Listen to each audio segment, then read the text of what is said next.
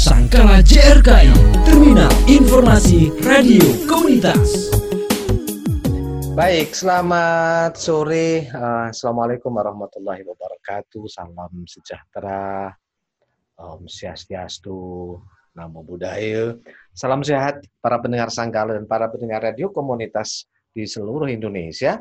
Kita jumpa ketiga kalinya dalam acara Bincang Rabu bersama uh, Sangkala Jaringan Radio Komunitas Indonesia bekerjasama dengan Pokja Pelibatan Masyarakat.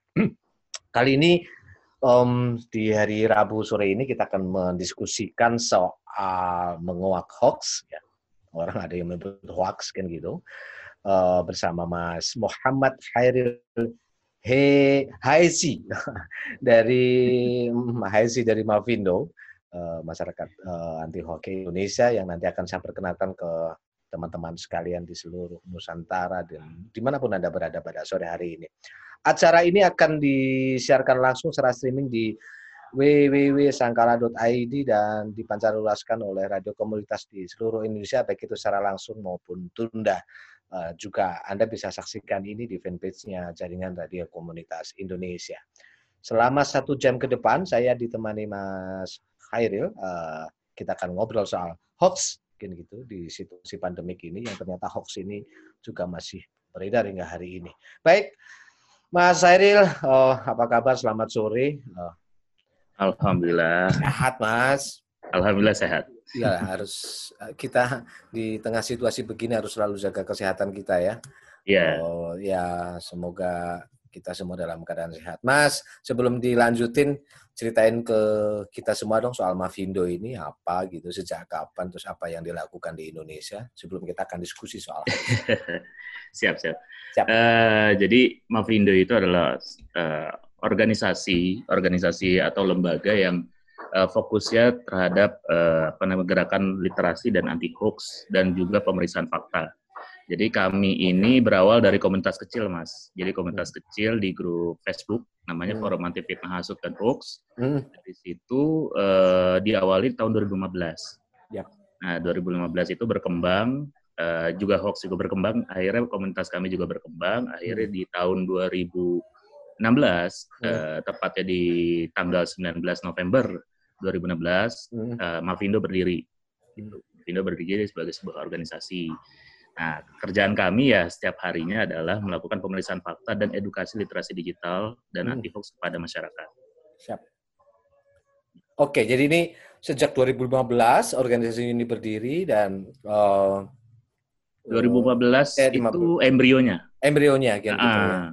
Kan gitu uh, tidak semata-mata karena ada situasi hoax yang beredar karena soal politik ya, tetapi memang hoax yang sangat marak waktu itu ya. Iya. Uh, gitu. Jadi inisiatifnya itu dari Pak Hari Sufehmi, itu okay. pendirinya. Ya, ya, ya, Mas. Itu Mas Heri Sufehmi. Ya, saya mm -mm. saya mau follow-followan sama beliau dan setting-settingan di, di di Twitter. Baik, teman-teman di seluruh tanah air kita akan uh, ngobrolin soal hoax ya uh, di, di situasi pandemik ini kan gitu. Uh, tapi sebetulnya apa sih hoax itu, Mas? Uh, ngomongin terminologi yeah. definisi atau sebenarnya kayak apa hoax itu? Jadi kalau kita bicara secara istilah, Mas ya, secara yeah, ya, istilah yeah, itu yeah. kata hoax itu sendiri dia sudah ada dari tahun 1808. Hmm, hmm. Jadi 1808 itu hoax pakai X yang bahasa Inggris itu itu oh. berasal dari kata hokus. Hmm. Nah, hokus itu artinya apa mengelabui untuk mengelabui. Nah, kalau di kita itu kenalnya kalau pesulap itu kan simsalabim. Nah, hmm, hmm, kalau di luar negeri, di khususnya di Inggris, eh, hokus ini menjadi mantra buat para pesulap. Jadi hokus pokus. Hmm. Jadi untuk mengelabui, untuk menipu. Nah, jadi hoax itu berasal dari itu katanya. Nah, ketika berkembang ke eh, apa namanya remodern seperti saat ini, khususnya di tahun-tahun eh, 2000-an apa namanya di tahun 2000-an itu hmm. hoax itu uh, definisi yang digunakan oleh Mavindo adalah informasi palsu yang dibuat seolah-olah benar. Oke, informasi jadi, palsu yang dibuat seolah-olah itu benar. Ya, hmm. jadi kami menggunakan definisi itu. Uh, kami tidak menggunakan apa fake news. Kalau fake news itu sebenarnya defini apa istilah yang di, dibuat oleh Donald Trump ketika pilpres Amerika beberapa tahun yang lalu untuk okay. mendiskreditkan uh, media-media yang menyerang mereka. Hmm. Hmm.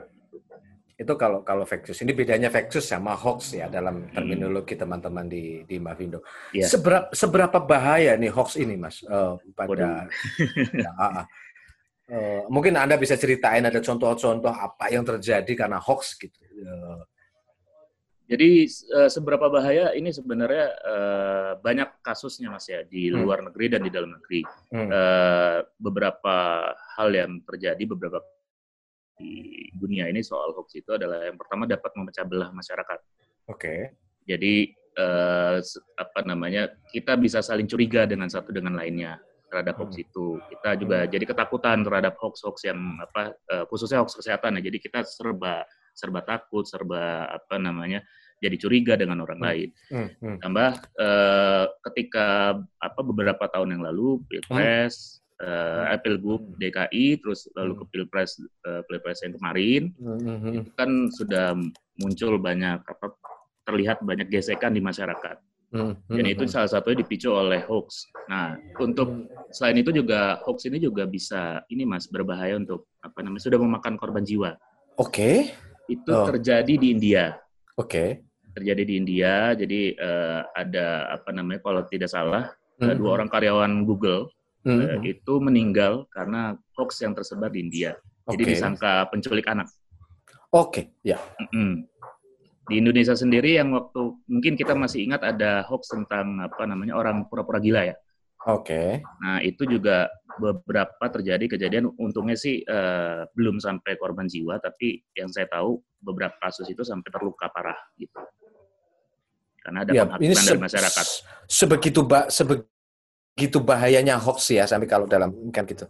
Pada oke okay, kita akan ke hoax pada soal kesehatan yang tadi hmm. Mas Heril udah udah sudah sampaikan di awal tadi sebentar.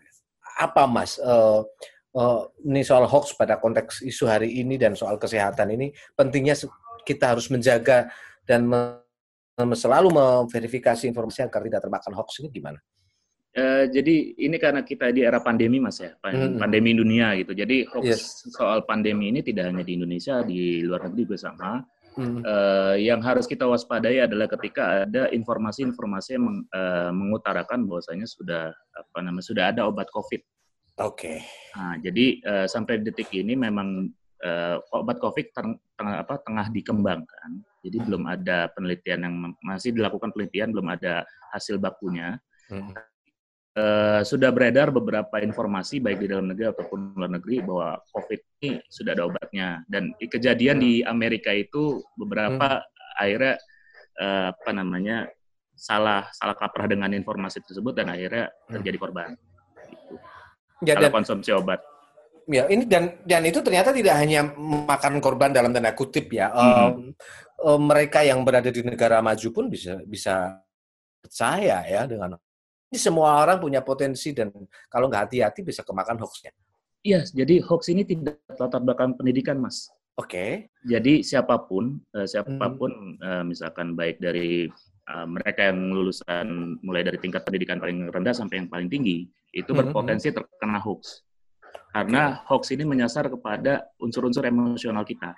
Gitu. Jadi kayak ketakutan, amarah, terus apa namanya kita juga dibuat confused dengan informasi-informasi yang banyak. Misalnya dibuat bingung dengan banyaknya hmm, informasi, hmm. apalagi di era internet sekarang. Jadi Mas sendiri bisa dapat informasi dari handphone Mas kan? Ya. Kalau setiap saat, setiap detik. Ya, ya. Hmm. Itu membuat kita jadi bingung. Jadi mana yang benar sih? Hmm. Nah, itu yang hoax itu um, muncul di sela-sela itu. Oke, okay. oke. Okay. Mengapa Mas orang kemudian menjadi uh, percaya atau termakan hoax, Mas? Uh, selain karena saking banyak informasi hmm. ini ada ada faktor ada, lain nggak? Ada beberapa faktor sih.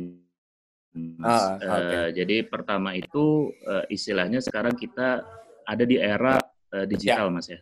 Di era digital itu banyak terlalu banyak informasi yang masuk tapi literasinya rendah di Indonesia. Oke. Okay.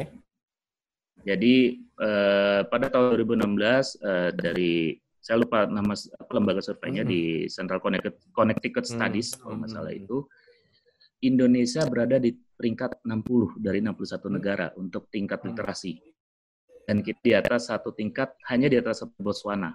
Hmm. Botswana itu salah satu negara di Afrika yang secara infrastruktur pendidikan, infrastruktur teknologi mungkin uh, jauh okay. kita.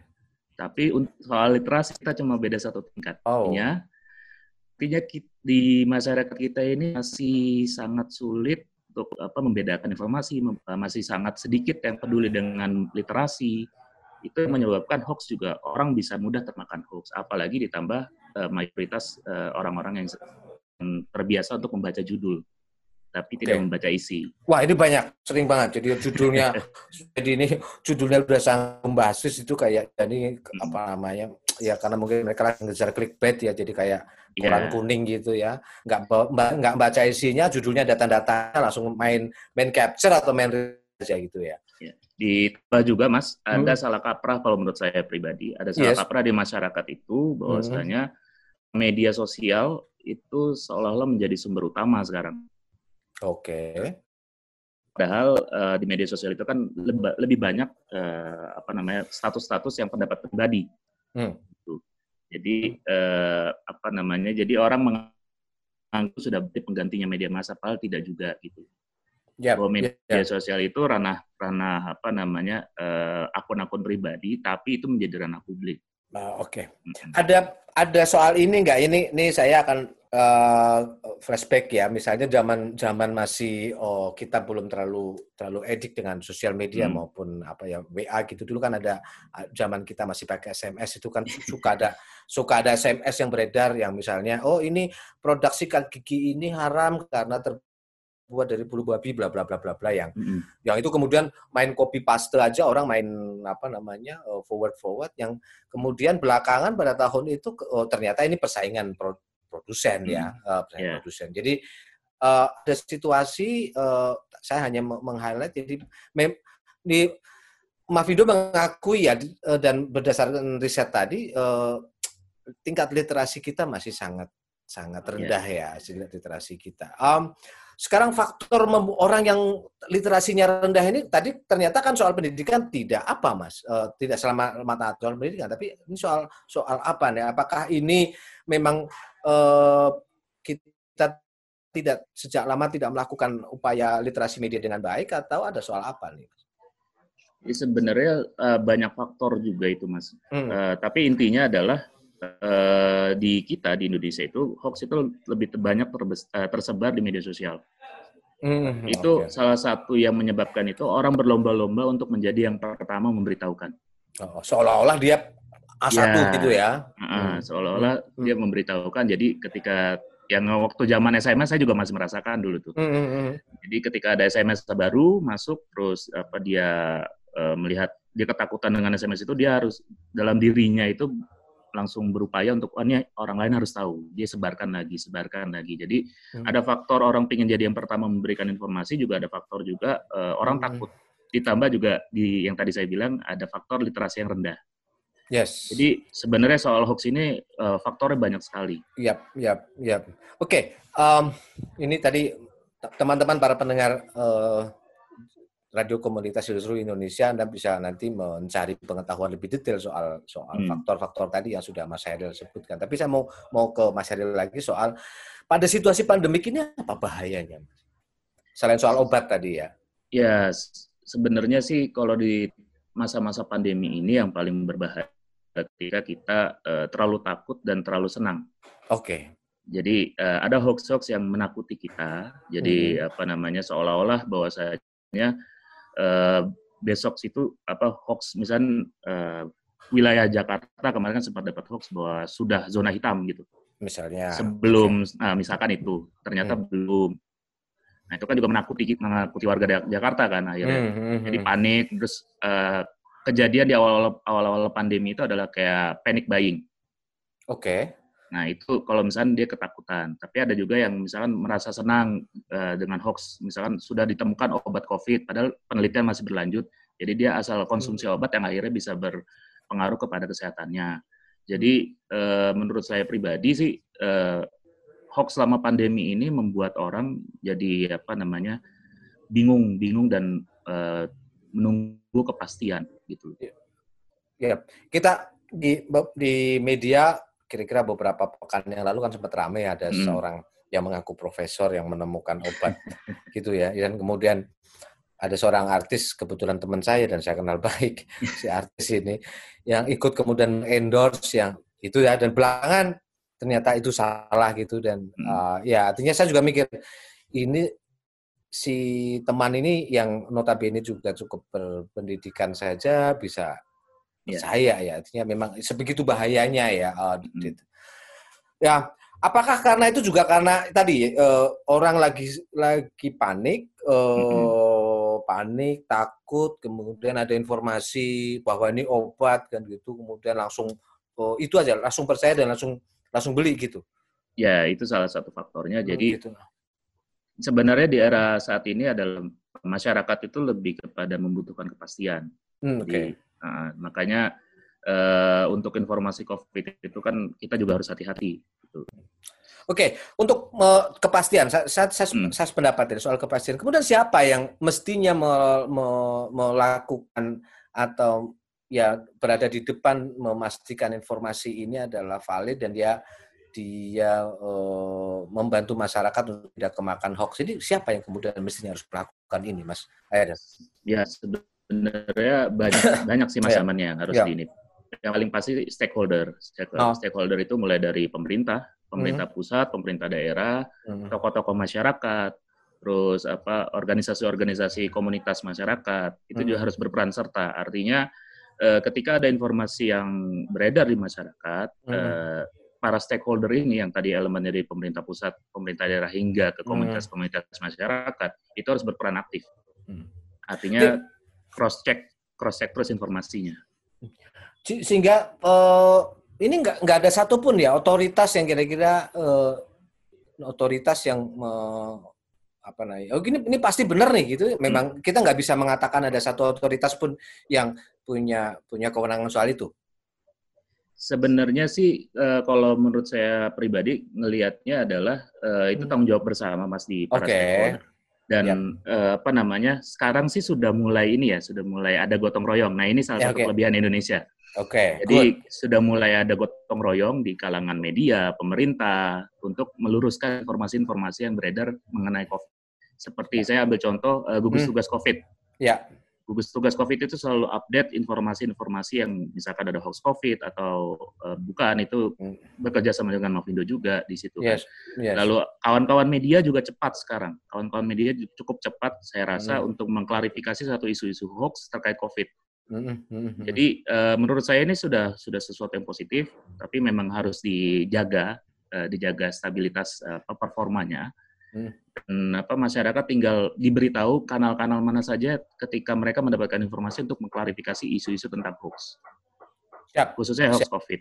Siap, siap. Oke, ini para pendengar radio komunitas dan para uh, yang sedang dengerin atau melihat streaming ini di channel uh, eh, JRKI ya. Uh, jadi uh, kita semua kita semua orang dan semua pemangku kepentingan uh, mestinya juga aktif untuk melakukan klarifikasi yeah. atas informasi yang misalnya diduga nih hoax. Karena kan hmm. uh, saya mau mengatakan begini Mas, di, di di, di soal pemberitaan saja dalam beberapa beberapa kali ini misalnya kan uh, soal PSBB total itu ternyata tidak keluar dari gubernur DKI gitu ya tetapi eh, misalnya belakangan kemudian uh, terklarifikasi. Atau yang baru saja soal surat dari gubernur Jawa Timur yang kemudian klarifikasi dari gubernur Jawa Timur mengatakan kami nggak pernah minta mengajukan untuk pengubahan definisi soal kematian. Jadi ini penting ya gotong royong tadi. Ini saya, saya highlight soal soal gotong royong yeah. tadi ya dan apa namanya respon respon hmm. kita hmm. kayak Mas eh, apa kawan-kawan di radio hmm. lokal segala hmm. macam itu responnya juga harus apa namanya eh, responsif terhadap terhadap apa namanya terhadap informasi yang beredar. Hmm. Responsif tapi tidak reaktif. Artinya kita harus tetap hati-hati memilah informasi, hmm. eh, mengklarifikasi informasi jangan oke okay nih misalkan ternyata kita baru nyari sedikit hmm kita langsung beranggapan ini hoax. Hmm. Itu harus hati-hati juga. Yep. Jadi kita harus dapat data yang lengkap, baru kita mempublikasikan ke masyarakat. Kenapa? Agar pertama yang pasti masyarakat jangan sampai panik. Oke, okay. itu ya. Responsif, Jadi, jangan asal responsif, reaktif. tetapi tidak reaktif. Responsif, misalnya tadi ah, hati-hati ya, dikonfirmasi dulu, jangan-jangan ya. Nah, ya. kita kita kita. Uh, Mavindo sendiri, apakah uh, tadi ya karena Mavindo saya kira salah satu organisasi dan elemen masyarakat yang menurut saya hmm. sangat positif ya. Apakah Mavindo punya semacam tracking gitulah ya, apa uh, pantauan atas situasi hoax yang banyak beredar di masyarakat. Uh, seperti apa Mas uh, yang Mavindo temukan di dalam ya. situasi pandemi ini misalnya? Jadi sebenarnya uh, kalau dari Mavindo sendiri kan langkah kami me mencari hoax itu ada dua langkah Mas ya. Yes. Hmm. Jadi pertama itu istilahnya kami melakukan pemburuan hoax. Oke. Okay. Pemburuan hoax itu kami uh, masuk ke kanal-kanal media sosial ya macam dan apa namanya kami mencari uh, apa informasi yang uh, terindikasi hoax. Ketika sudah sudah kami temukan, bisa langsung kami proses untuk diperiksa faktanya. Dan yang kedua itu metodenya adalah laporan dari masyarakat. Hmm. Dan ini uh, saya cukup senang dengan dengan respon masyarakat yang hmm. apa, laporannya setiap hari selalu ada. Dan memang kami juga apa namanya uh, berharap juga masyarakat uh, bersabar karena ketika kita melakukan kami melakukan pemeriksaan fakta itu tidak bisa berburu. Jadi kami harus benar akurat. Enggak. Ya, jadi Mavindo itu fokus pada akurasi informasi. Jadi ya. bukan berarti kami nyuekin laporan itu, tapi memang kami butuh uh, akurasinya. Jangan sampai ada kemungkinan-kemungkinan bahwa hasil periksa fakta yang kami keluarkan itu uh, dipelintir ulang gitu loh, menjadi hoax baru. Oke. Okay. Gitu. Nah, yeah. Dari dari yang kami lakukan itu memang uh, untuk datanya kami memang masih menunggu hasil dari litbang kami, uh, hmm. tapi sejauh apa sejauh yang saya lakukan setiap hari memang paling banyak tersebar di Facebook dan WhatsApp. Oke, jadi ini dua platform ini ya, Facebook dan WhatsApp hmm. ya, kan gitu. Um, ada ada titipan pertanyaan ya ini apakah saya ini mari, mari ini nanti kita diskusi ya. Ada juga yang mengusulkan mestinya yang melakukan screening atas shock ini sebelum masyarakat termasuk Mavindo adalah juga si pemilik platform. gimana nih Mas? Si pemilik platform juga melakukan screening dan secara aktif me, gimana tanggapan uh, Ya, Mas? jadi untuk platform seperti Facebook, Instagram dan uh, Google itu mm -hmm. sudah sudah ada kepekaan terhadap uh, isu hoax itu Mas sebenarnya. Sudah ada ya. Uh, ya. Jadi Mavindo itu dan beberapa kawan-kawan media itu sudah bekerja sama dengan Facebook dengan program hmm. namanya uh, Facebook Lager. Mm -hmm. Jadi ketika ada informasi-informasi yang hoax,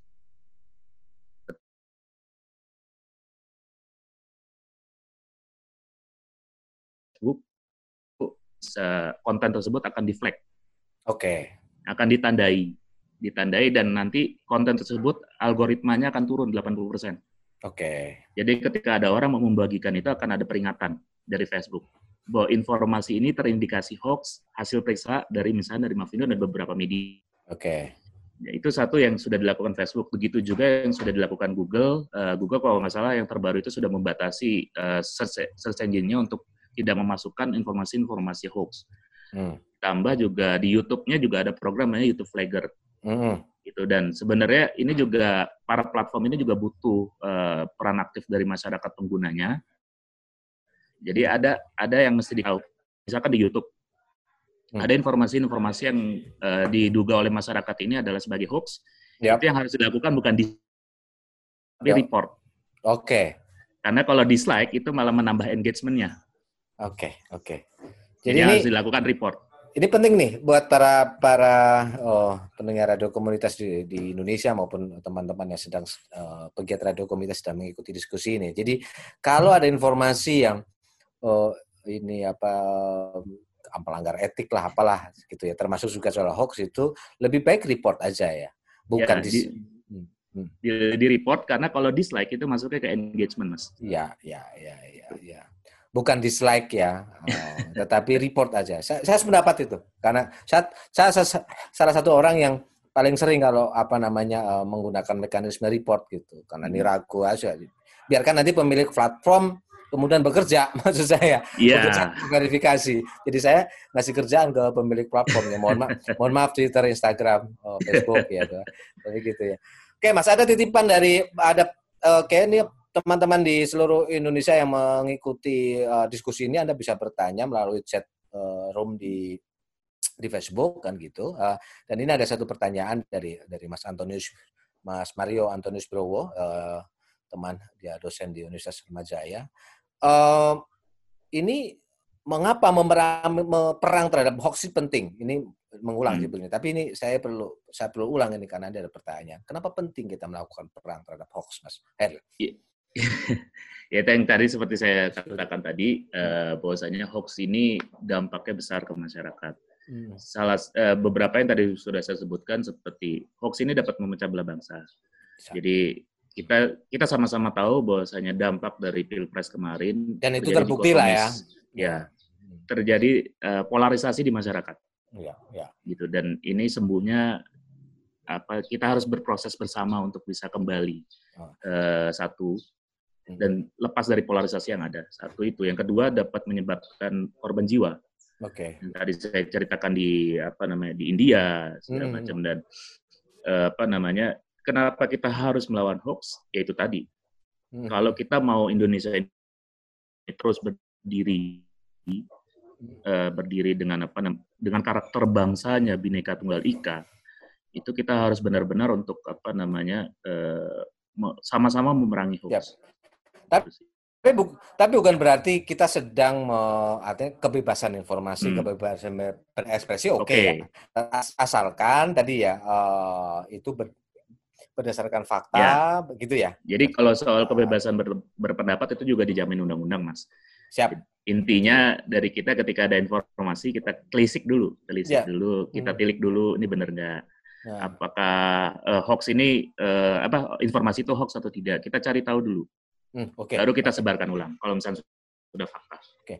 Terus uh, bagaimana kita bagaimana nih Mas soal layer-layer screeningnya mulai dari tadi mungkin Mas bisa review soal dari individu mesti harus bagaimana, keluarga bagaimana, komunitas bagaimana atau masyarakat gitu. Ketika ketika dapat informasi yang kita masih ragu terhadap uh, kebenaran atau informasi itu.